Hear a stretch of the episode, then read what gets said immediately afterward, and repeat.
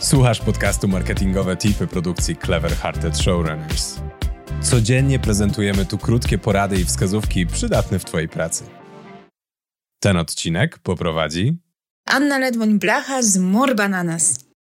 Algorytmy mediów społecznościowych spędzają ci sens powiek. Nie powinny. Na dobrą sprawę algorytmy powstały nie jako spiskowa teoria dziejów i nie sposób tak do końca na zarabianie przez platformy. Gdyby w mediach społecznościowych nie istniały algorytmy, prawdopodobnie w ogóle byśmy z mediów społecznościowych nie korzystali, widząc po prostu treści śmieci. Zresztą możesz zrobić taki prosty test i na Facebooku przełączyć się na wyświetlanie treści w sposób chronologiczny. Gwarantuję, po 30 sekundach będziesz miał dość tej platformy.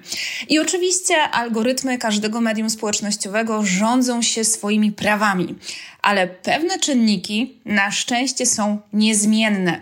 Na dobrą sprawę algorytm dostosowuje się do tego, w jaki sposób zachowujemy się w platformie. Im więcej treści z danego tematu lubimy, im więcej treści z danego tematu się angażujemy i spędzamy nad nimi więcej czasu, tym więcej tych treści będziemy widzieć. Proste, ale nie do końca w praktyce. Jako marketerzy oczywiście możemy to wykorzystać. W związku z tym, że algorytm dostosowuje się do naszych zainteresowań i zachowań, im lepiej, im bardziej poznamy naszego odbiorcę, tym lepiej będziemy mogli ten algorytm w cudzysłowie hakować.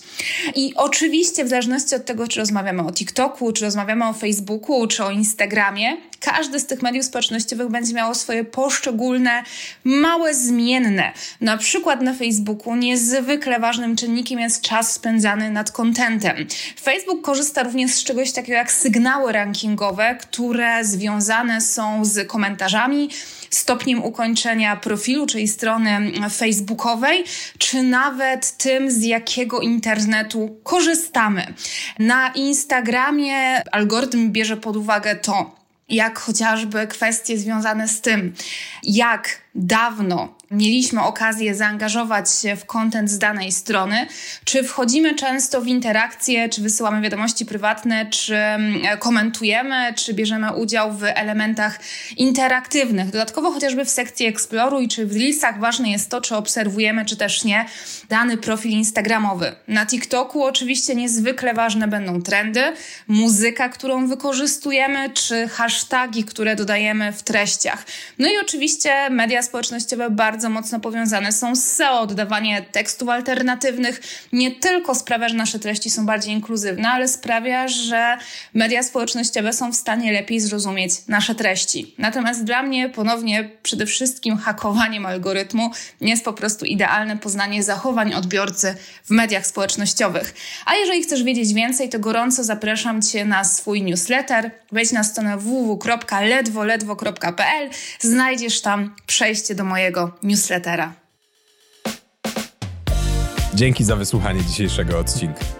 Zachęcamy do subskrybowania naszego podcastu w Spotify, Apple Podcasts lub Twojej ulubionej aplikacji do słuchania podcastów.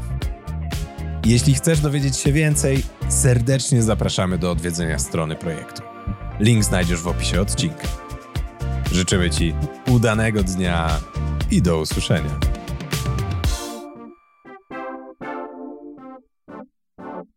Pomysły na branded content, badania przydatne w marketingu i inspiracje od mądrych głów?